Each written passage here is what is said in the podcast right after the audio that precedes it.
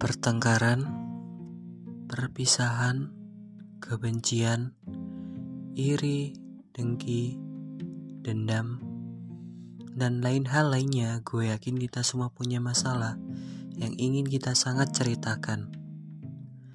Sekarang, setiap minggunya di CCA, cerita curhat apa, gue akan menceritakan ataupun membagikan sebuah kisah pengalaman seseorang yang mempunyai masalah yang ringan hingga yang paling berat. Ataupun mungkin yang membuat kita tersadar bahwa kita bisa menghadapi masalah-masalah kita. Gue Kevin, next video, next time, see you.